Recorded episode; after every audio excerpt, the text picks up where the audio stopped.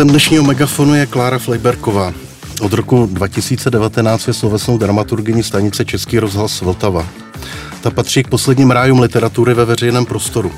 Mnoho čtenářů z informací téhle stanice čerpá inspiraci a souvislosti pro svoje další setkávání s knihami. Dalším důvodem dnešního rozhovoru je fakt, že letos v květnu to bude 100 let od zahájení pravidelného rozhlasového vysílání v Československu. A ještě jeden důvod. Klára se letos stala členkou redakce literárního měsíčníku Host, což je mimochodem také časopis s pozoruhodnou víc než stoletou tradicí. Takže dnes v hlavní roli rádio a literatura a Klára Flejberková, kterou zdravím na studiu. Dobrý den, děkuji za pozvání. U poslechu vás vítá Tomáš Weiss.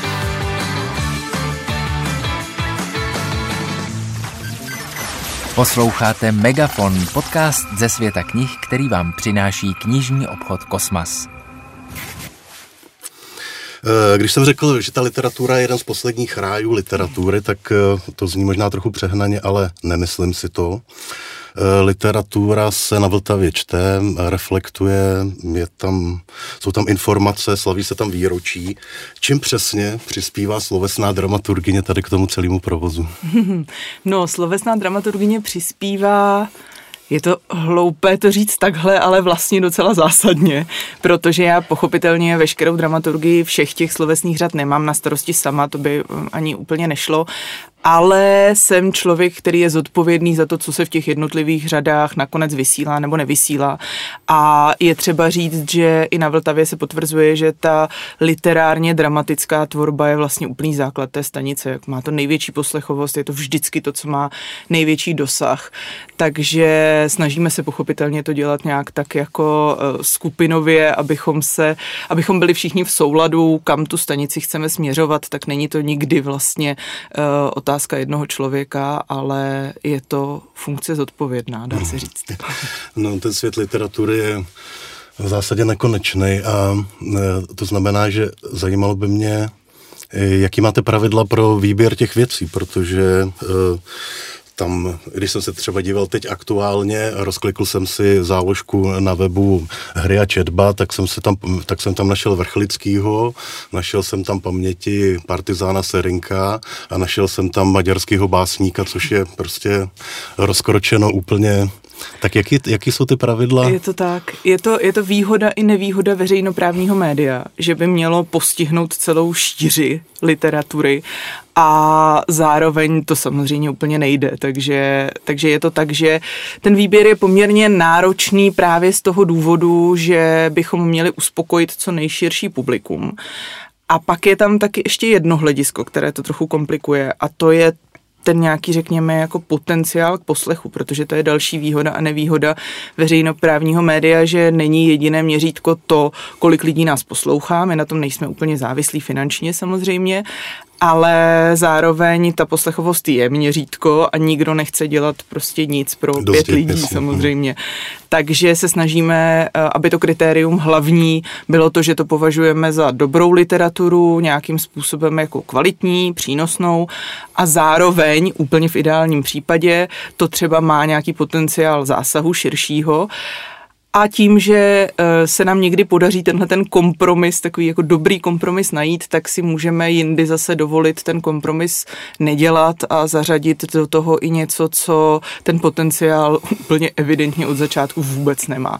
Což třeba samozřejmě soukromý vydavatel tak úplně udělat nemůže. Tak to je velká výhoda, ale jak říkám, tu nevýhodu hlavní to má tu, že se člověk nemůže řídit úplně stoprocentně jenom vlastním vkusem, protože prostě to ono není by to vlastně nedávalo úplně smysl, hmm. když by člověk prosazoval vlastní vkus na úkor nějaký palety je to tak. Že... Jako bylo by to, bylo by to samozřejmě krásné mít svoje rádio a pouštět tam jenom věci, které se líbí mně, tak to by bylo fajn, ale to úplně nejde a je pravda, že to posluchačstvo Vltavy je tak jako dost rozstřelené, protože je uh, náročné, ale zároveň je ta skladba hrozně pestrá. Prostě obecně jsou to, ta cílová skupina zrovna Vltavy je strašně široká, protože jsou to prostě lidi, kteří nějakým způsobem jako rádi a přirozeně konzumují umění, ale to je tak strašně nespecifická věc, protože uh, umění je to i ono a je to dost daleko od sebe mnohdy. Ten konkrétní program je teda uh, konkrétní rozhodnutí um, nějakého kolektivu, kde vy třeba máte právo veta?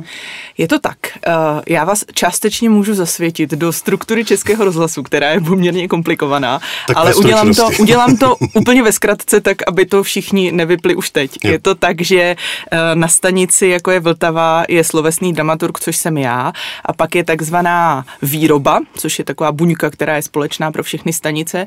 A v té výrobě je tvůrčí skupina drama a literatura, kde je spousta dramaturgů. A každý ten dramaturg má na starosti nějakou tu řadu, kterou my jako Vltava vysíláme. Uh-huh. a tihle ti dramaturgové mě dávají nějaké návrhy, zpětně potom dávám nějaké návrhy já jim a já jsem ten člověk, který to finálně všechno schvaluje, takže z velké části je to práce těch konkrétních dramaturgů. Uh-huh výročí, eh, všelijaký eh, literární ceny, eh, samozřejmě i úmrtí do toho patří, to je všechno věc, která u toho úmrtí je to trošku kách, ale jinak to vlastně umožňuje třeba takový výročí připravit ty věci s nějakým předstihem a udělat něco rozsáhlejšího.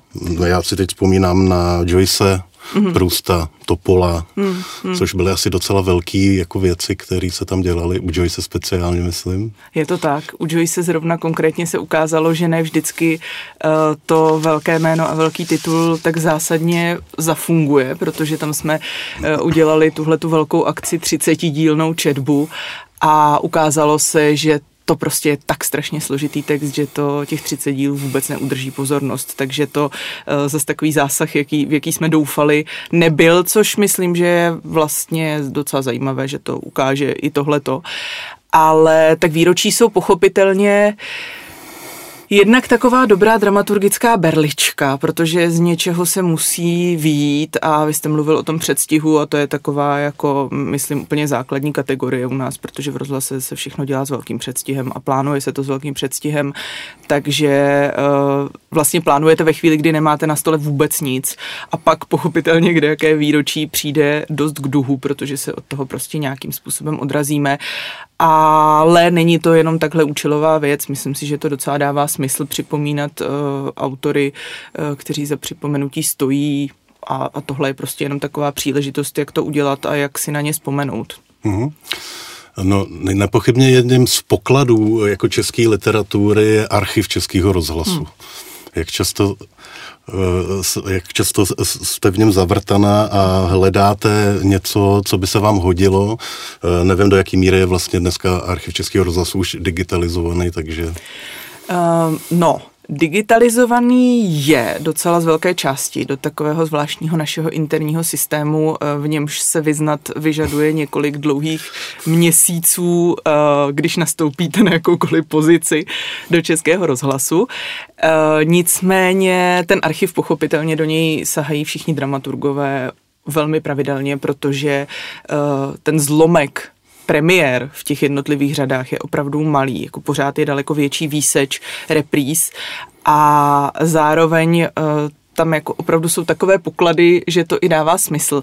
My jsme třeba založili, když já jsem nastupovala na Vltavu, tak jsme založili hru pro pamětníky, úplně novou řadu, uh, dramatickou tedy a tam se ukázalo, že to hrozně funguje. Vlastně to mnohdy úplně předčí všechny premiérové tituly v ostatních dramatických řadách, protože tam se sahá vyloženě pro archivní věci, které třeba třeba 30 let vůbec neběžely, prostě vůbec neměli reprízu. Má to různé důvody. Naše, náš původní záměr byl, že tam najdeme i věci, které jsou tak bizarní, že bychom je dneska vlastně už neměli důvod pustit, ale když je uložíme do nějakého kontextu, uh, prostě v době, kdy vznikly, to mělo nějaký důvod, uh, takže to bude dávat smysl a k našemu překvapení jsme tam začali objevovat spoustu věcí, které vůbec takhle bizarní vlastně nejsou a prostě jenom někde tak zůstali vyset a, a měli premiéru někde v roce 83 a pak už je nikdy v životě nikdo nevyndal a přitom jsou plné úplně skvělých herců, anebo jsou to zajímavé texty. Já to právě chci říct, já,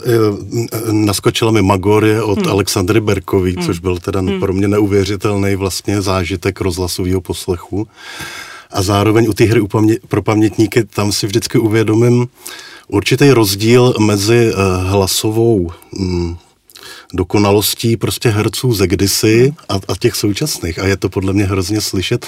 Takže my, my jste vlastně trošku jako vytáhli takový zrcadlo pro ty současné herce, aby, hmm. aby viděli, nebo i pro posluchače, aby vlastně eh, jako zjistil, jak se asi dřív víc dbalo na nějaký hlasový projev. No, no myslím, že mnohdy dost nemilosrdně jsme vytáhli tohleto zrcadlo a možná nemilosrdně i samozřejmě e, směrem k režisérům a ke všem tvůrcům, protože třeba mnohdy jsou to hry právě z 80. let, které režíroval Mel, Čahorčička, podobná jména a není tam vůbec nic, jenom ty hlasy a strašně to funguje. A dost často teď ty současné premiéry jsou hodně přezvučené a pořád se tam něco děje, a pořád tam něco cinká a chrastí a když někdo vejde do místnosti, tak vrznou dveře a prostě odehrává se tam neuvěřitelná vrstvy na vrstvy prostě zvuků a ukazuje se, že ta nějaká střídmost i režijní eh, ve chvíli pochopitelně, jak říkáte, když máte herce, kteří to udrží, takže dost dává smysl. No.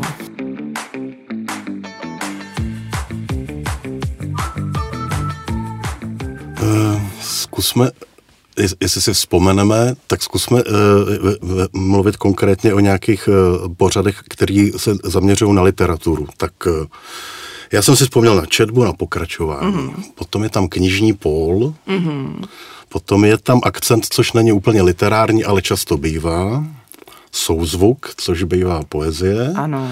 Básnění, ano. což je taková věc, kdy autor zhruba 4-5 svých oblíbených básniček vybírá.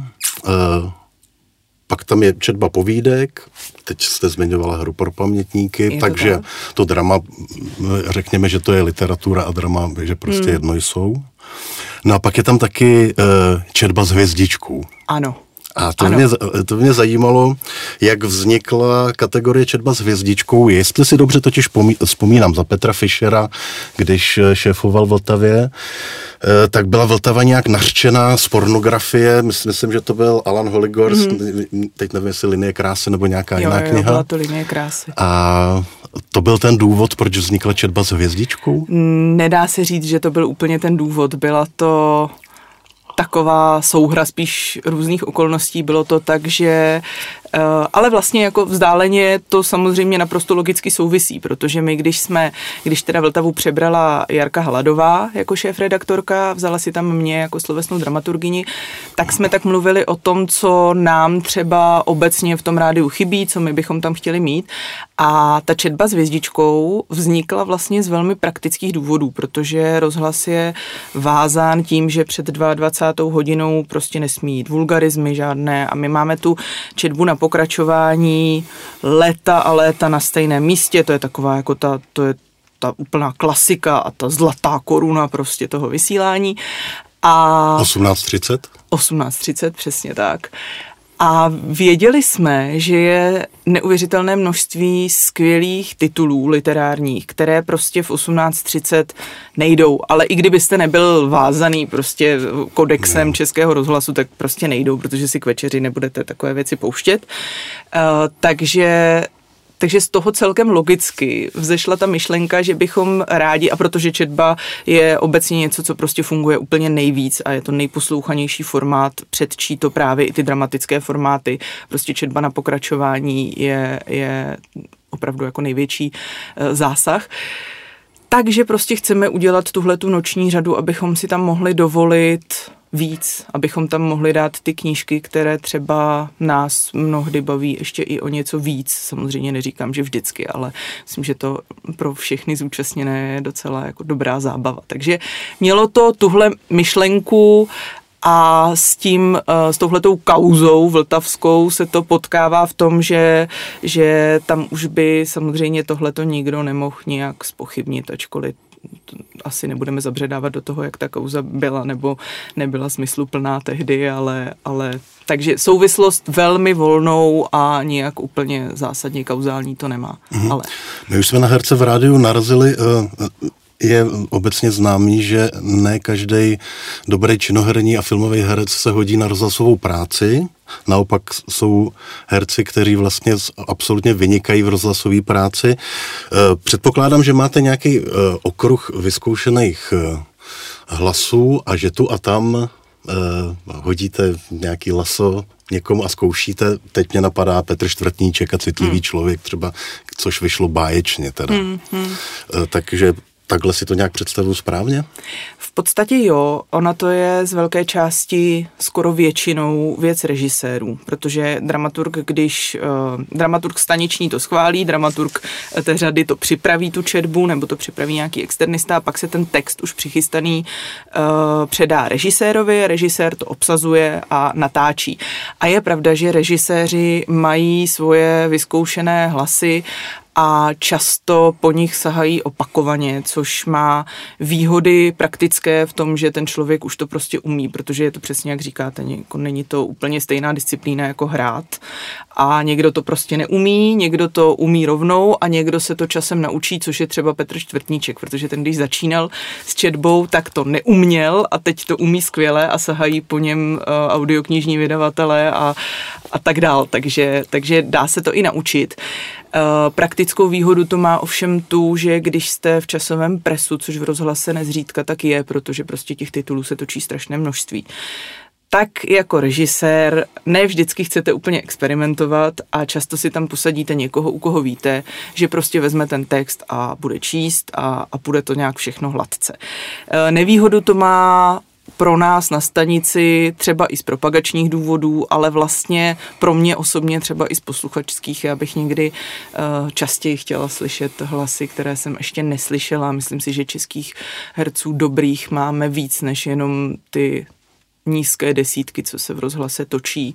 A nejenom v rozhlase samozřejmě. Myslím, že v audioknižní branži je to dost podobné, prostě jsou to no, stejná jména. Na to se chci právě zeptat. My sedíme ve studiu, kde se natáčejí audioknihy. Hmm. Jejich eh, produkce eh, každým rokem prostě roste dvojciferným číslem a tak mě logicky napadlo, že si vlastně může rozhlas s audioknihama dost často jako líst do nějakých termínů a přetahovat si herce a tak dále. To zažíváte? Zažíváme, tak lezeme si pochopitelně do všeho. Lezeme si i do výběru titulů, samozřejmě, protože, uh, protože prostě přesně, jakmile aplikujete to hledisko, o kterém jsem mluvila, že je to kniha, která je zároveň kvalitní a zároveň má nějaký potenciál širšího zásahu, tak je to něco, po čem úplně stejně okamžitě se sápe rozhlas, stejně tak, jako se potom sápe audioknižní vydavatelství a pak si tak jako vzájemně konkurujeme a je to, no, je to, je to prostě komplikované, takže to není jenom, eh, co se obsazování týče, často i to, no, no mnohdy to točí i stejní režiséři a tak, takže jo, prostě překrýváme se a to tak asi vždycky z logiky věci bude, no. Posloucháte Megafon, podcast ze světa knih, který vám přináší knižní obchod Kosmas. Eh, vy jste, Kláro, dřív psala do různých eh, stran o divadle, hmm. převážně. Taky jste vystudovaná teoretička kritička na Damu. A dnes jste ale jako čím dál víc vidět v literárním světě, mm, i když asi na divadlo chodíte dál a ráda. Mluvili jsme o tom, že jsme se potkali na hmm. pařížské Moskoviádě. Mm, e, například jste moderovala e, při měsíci autorského čtení, naposledy hmm. teď, tak jste moderovala pár autorů. E, jste k vidění v pražské kavárně Fra, kam chodíte dost často na poezii a jak jsem říkal, už na začátku letošního roku jste se stala stálou redaktorkou eh, hostů. Eh, proč se teď s literaturou vlastně kamarádíte víc? Nebo čím no, dál víc? To se stalo nějakou takovou úplnou náhodou, takováhle otočka. Mně se to vždycky dělo všechno náhodou. Já jsem vlastně úplně původně studovala estetiku na Filozofické fakultě a tam jsem se seznámila s člověkem, který dělal divadlo a když jsem dostudovala bakaláře, tak jsem přemýšlela, co dál a nějak jsem se přes tohohle toho člověka přiklonila k damu, takže jsem se na chvilku odklonila jako k divadlu, nebo specifikovala jsem ten zájem směrem k divadlu.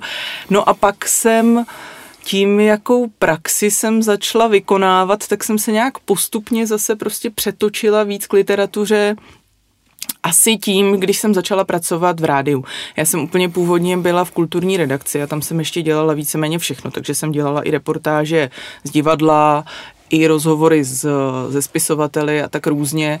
Ale časem jsem se přesunula právě do té tvůrčí skupiny drama a literatura a dělala jsem povídkovou řadu, takže uh, už se to tak jako všechno nějak prostě pokloubilo různě, ale, ale vlastně jsem ještě úplně po škole, jsem v mezičase chvilku dělala v divadelním oddělení Národního muzea, tak to ještě byla šance, že, že nějak zůstanu u divadla, ale já myslím, že se to víceméně proplétá tak nějak, že to nejde úplně oddělit, ale je pravda, že prostě tak nějak, jak to v životě se děje tyhle věci, no, že se tak různě prostě přichází nějaké věci k vám a vy je neodmítáte a najednou zjistíte, že se teď zaobíráte víc literaturou než divadlem. Asi tak nějak úplně sofistikovaně to není. Uh-huh. Uh... Když jsme byli u toho hostu, eh, on letos eh, změnil jak grafickou podobu, myslím, že se dostal také na stánky uh-huh. nějak ve větší míře. Zároveň se trošku něco stalo i s obsahem, tak kam vlastně teď jako insider, jako v, v nejbližších měsících by host chtěl jít? Eh, mně vlastně dost vyhovuje, že se skoro vždycky přichomítnu v nějaké fázi změny k něčemu, což se mi stalo úplně stejně na Vltavě a teď se mi to úplně stejně děje v hostu, což je, myslím... Není to úplně zelená louka, ale něco, něco se jo, rodí. Což je vlastně úplně ideální, protože máte ten základ a u obou těchto těch institucí v úvozovkách to je hodně daleko od zelené louky, protože to jsou všechno věci s velkou tradicí a tak, takže ten základ je velký a takový jako silný, což je samozřejmě zase výhoda i nevýhoda zároveň, ale můžete to tak jako jenom trošičku formovat a přesměrovávat, nemusíte to úplně celý postavit znova, což je fajn. A v hostu mě dost vyhovuje uh, složení současné redakce. Teď momentálně to vede a doufejme, že dlouho povede. To říkám Němec. teď momentálně, to říkám, jak kdyby to měl na chvíli. Honza Němec. A uh, mě, už když jsme o tom tehdy v létě, minulé léto mluvili, o té možnosti, že bych v redakci byla, tak mi bylo dost sympatické, že ten časopis chce právě trošku tak jako zličtit, řekla bych, z časopisečtět trošku víc a otevřít i trochu jiným uměleckým druhům než jenom literatuře, takže jsme tam vymysleli spoustu takových různých kratších formátů, přibyly tam sloupky eh, různých eh, oborových osobností, jako je Pavel Klusák za hudbu, mm-hmm. nebo Pavel Sladký tam píše o filmu a tak dál. Takže trošku vzrostlo množství těchto malých formátů, které trochu naředí tu, ty veliké eseje a tyhle ty velké texty, které tam pochopitelně zůstávají, protože mm, to dělá host hostem, eh, ale je to tak nějak pro mě, to získává takový jako trochu větší švih a lehkost. Ten Že napadlo, že to je vlastně taková vltava na papíře. Podstatě jo, no tak ono to nebude náhodou, že se tam tak nějak jako vyskytuju v obou těchto těch subjektech. A protože jako vlastně jo, vlastně si myslím, že dost stojíme před podobnýma otázkama, přesně uh, toho, o čem už jsem mluvila, že, že to má být chytré a nějak jako uh, intelektuální, bez toho pejorativního nádechu. A zároveň to prostě má lidi nějak bavit a, a zajímat a nemá to být elitářská věc. Eh, no, vy jako rozhlasačka máte pod, pod hostem uh, dokonce svůj podcast, hmm. ten se jmenuje Pracanti, tak uh, můžete ho představit. Myslím, že tam zatím jsou dva. vyspovídaní dva autoři, Marek Šindelka a Emil Hakl. Ano, je to tak. Teď Eh, pracuju na Asi dalším... jednou za měsíc jsem je to jednou za měsíc, že, ano, že my, máme, my tomu říkáme hostcast, uh-huh. což je soubor teď momentálně čtyř podcastů, takže každý čtvrtek vycházíme s jedním. A jeden z nich je tenhle ten můj, což eh, z logiky věci znamená, že vychází jednou měsíčně, jako všechny ty ostatní hostcasty.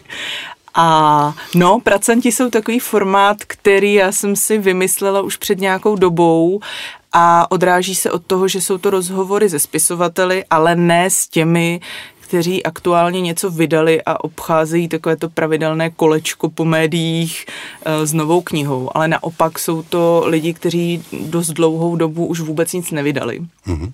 A mě zajímá, v případě, že o tom jsou ochotní mluvit, tak co je to, co na čem, na čem teď pracují. Jo, nebo jak se doma trápí. Jak se doma trápí, jo. Nebo že mají krizi prostě a nejde to. A v případě, že nechtějí mluvit úplně konkrétně o tom uh, tématu, tak mě zajímá, jak vlastně pracují, jak tu knihu píšou, protože jsem právě přes různé rozhovory, včetně Mače, ku příkladu, které, které, který jste zmínil, uh, jsem zjistila, že to je tak strašně různé a mě to nějak hrozně baví, tyhle technikálie. To, jak někdo tak autisticky v 8 ráno vstane a ví, že dvě hodiny teď musí psát a někdo prostě uh, uprostřed noci v nějakém úplně totálním vytržení prostě do čtyř do rána píše a píše a pak si veme prášek na spaní a jde spát. Tak mi to připadá zajímavé, že se to dá dělat dost různě. Uh, ono to bývá často, že autoři velmi neradi mluví o tom, co píšou, jak píšou, proč to píšou. Eh, dělají s tím takový ofuky a, a nebo začnou prostě vyprávět nějaké věci, které se potom ukážou, že tak trošku fabulujou schválně, aby jako odvedli řeč. Tak jaký chvaty a hmaty na ně používat, abyste je přinutila vypovídat? No to nemůžu prozradit přece, ale ne, to, to bych, kdybych je měla, tak bych je asi i sdílela, ale myslím, že ne, myslím, že jde hlavně o to, nějak tak jako to, co asi vy tady děláte taky, že je potřeba z toho člověka nějakým způsobem nějak s ním prostě navázat nějaký kontakt a snažit se vypadat sympaticky. Já myslím, že to je základní klíč, že se člověk snaží vypadat sympaticky a přesvědčit toho druhého, že je sympatický a že tím pádem může klidně říkat, co bude chtít a že to jako bude fajn. Že všechno, co řekne, bude fajn, podle mě. Tak to je, já myslím, že to je jediné kouzlo, to musíte prostě znát taky. je třeba dělat, že jste sympatický.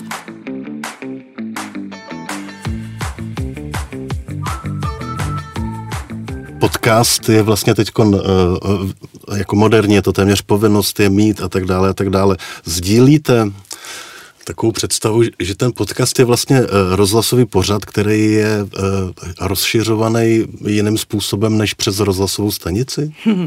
No to je dost palčivá otázka. Myslím si, že i na chodbách Českého rozhlasu je to je na ní jako nejasná odpověď na tu otázku, protože si myslím, že i v domě, jako je Český rozhlas, panuje dost eh, odlišný pohled na to, co je nebo není podcast. A já to vlastně upřímně řečeno moc nevím, ale mám pocit, že ten rozdíl tam je a ten rozdíl je asi v té formě a pořád by to mělo být tak, že ten rozhlasový pořad, který se opravdu vysílá notabene v českém rozhlase, tak by měl být třeba kvalitou projevu toho člověka nějak víc svazující, než když děláte podcast, protože u podcastu já osobně posluchačsky třeba dost často naopak ocením, když je to nějak uvolněné a ten člověk je prostě takový, jaký je, když to uh, v rádiu uh, nějak víc vyžaduju, aby třeba hezky mluvil a vidím to i na sobě, že,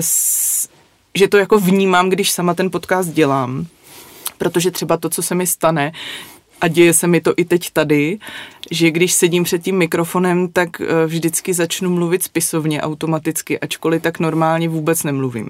A vlastně o tom vždycky přemýšlím, jestli to tak mám dělat nebo nemám dělat. Eh, zároveň to nějak mám prostě vžité z toho rádia, že to tak dělám ale kdyby to mělo být na úkor nějaké přirozenosti, tak bych to v tom podcastu určitě nedělala. A to si myslím, že je hlavní rozdíl mezi podcastem a rozhlasovým pořadem. Možná je to tak, že podcasty naučili uh, nový generace lidí poslouchat a vlastně to může mít docela i zajímavý dopad na poslechovost potom třeba rádia nebo mm, rozumných pořadů na Vltavě. Já bych chtěla uh, téhle té teorii věřit, ale upřímně řečeno jí moc nevěřím, protože si myslím, že to možná může být i naopak, protože mám pocit, že uh, nová generace posluchačů je prostě zvyklá už právě díky podcastům, nebo v tomhle případě kvůli podcastům, prostě konzumovat ten obsah, kdy chce a jaký obsah zrovna Což chce. ovšem rozhlas umožňuje. Umožňuje. No, svým, svou, svým archivem a i rozhlasem úplně. Jenom se tím vlastně pořád víc a víc sune k té podcastové tvorbě a odsouvá se od toho lineárního vysílání, což je vlastně doména rozhlasu. Protože pokud se k tomuhle přesune úplně, tak se vlastně dá vypnout. A můžeme prostě produkovat v rozhlase jenom podcasty. Takže já vlastně nevím. Nemyslím si úplně, že by to fungovalo tak, že, že by to jako houfně přivádělo lidi k mluvenému slovu, mm-hmm. anebo možná je to houfně přivádí k mluvenému slovu, ale ještě to nutně nerovná se, že je to přivádí k rozhlasu. No. Mm. Uh, budeme pomalu končit, ale já bych uh, ještě chtěl slyšet uh, od člověka, který se literaturou zabývá profesionálně. Lidi často si stěžují a pofňukávají, že ta knižní produkce je strašně nepřehledná a že se v ní jako špatně vyznají. Tak já myslím, že Vltava a host proto dělají, co můžou, ale Eh, stejně tato panika prostě dál existuje. Eh, existují samozřejmě lidi, kteří, není jich mnoho, ale kteří se tou literaturou zabývají nějak každodenně, i když nejsou profesionálové, ale pak je velká množina lidí, kteří eh, opravdu někdy bloumají a nevědí přesně co a jak. Co byste jim na tu paniku poradila? Hmm. Máte nějaký svůj... No, já... Kompas? Já bych jim samozřejmě čistě prakticky a zároveň zjištně poradila, aby sledovali eh, média, jako je Vltava nebo Host, protože to, to jsou ta vodítka. Ale kdybych to chtěla pojmout nějak tak jako, že ne, nereklamně, tak já jsem vždycky prostě dělala to, že jsem chodila do knihkupectví a prohlížela jsem si ty knížky. A dost často jsem si prohlížela knížky na základě toho, jak vypadají. A málo kdy se mi přihodilo, že by knížka, která je podle mě teda, to samozřejmě je úplně subjektivní, subjektivní věc, takže by se mi přihodilo, že je knížka, která je podle mě krásná, takže by byla úplně blbá.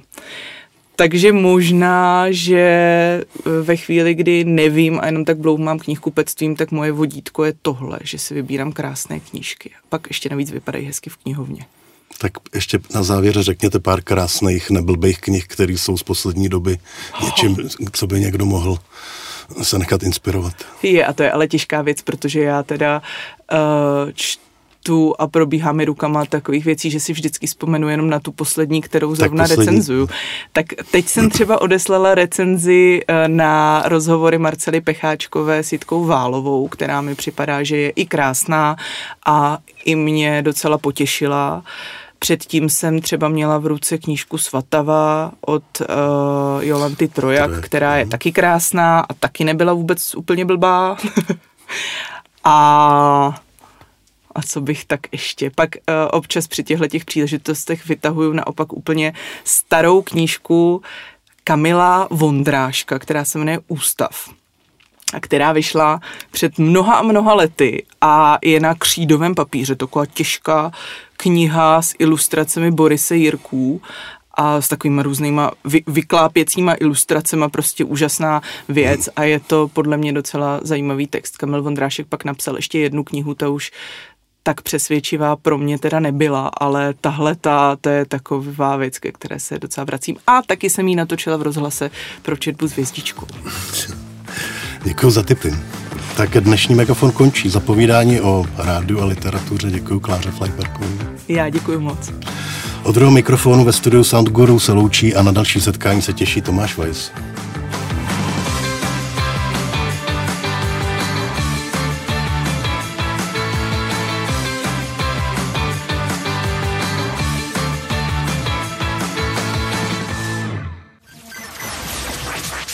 Poslouchali jste Megafon, podcast ze světa knih, který vám přináší knižní obchod Kosmas.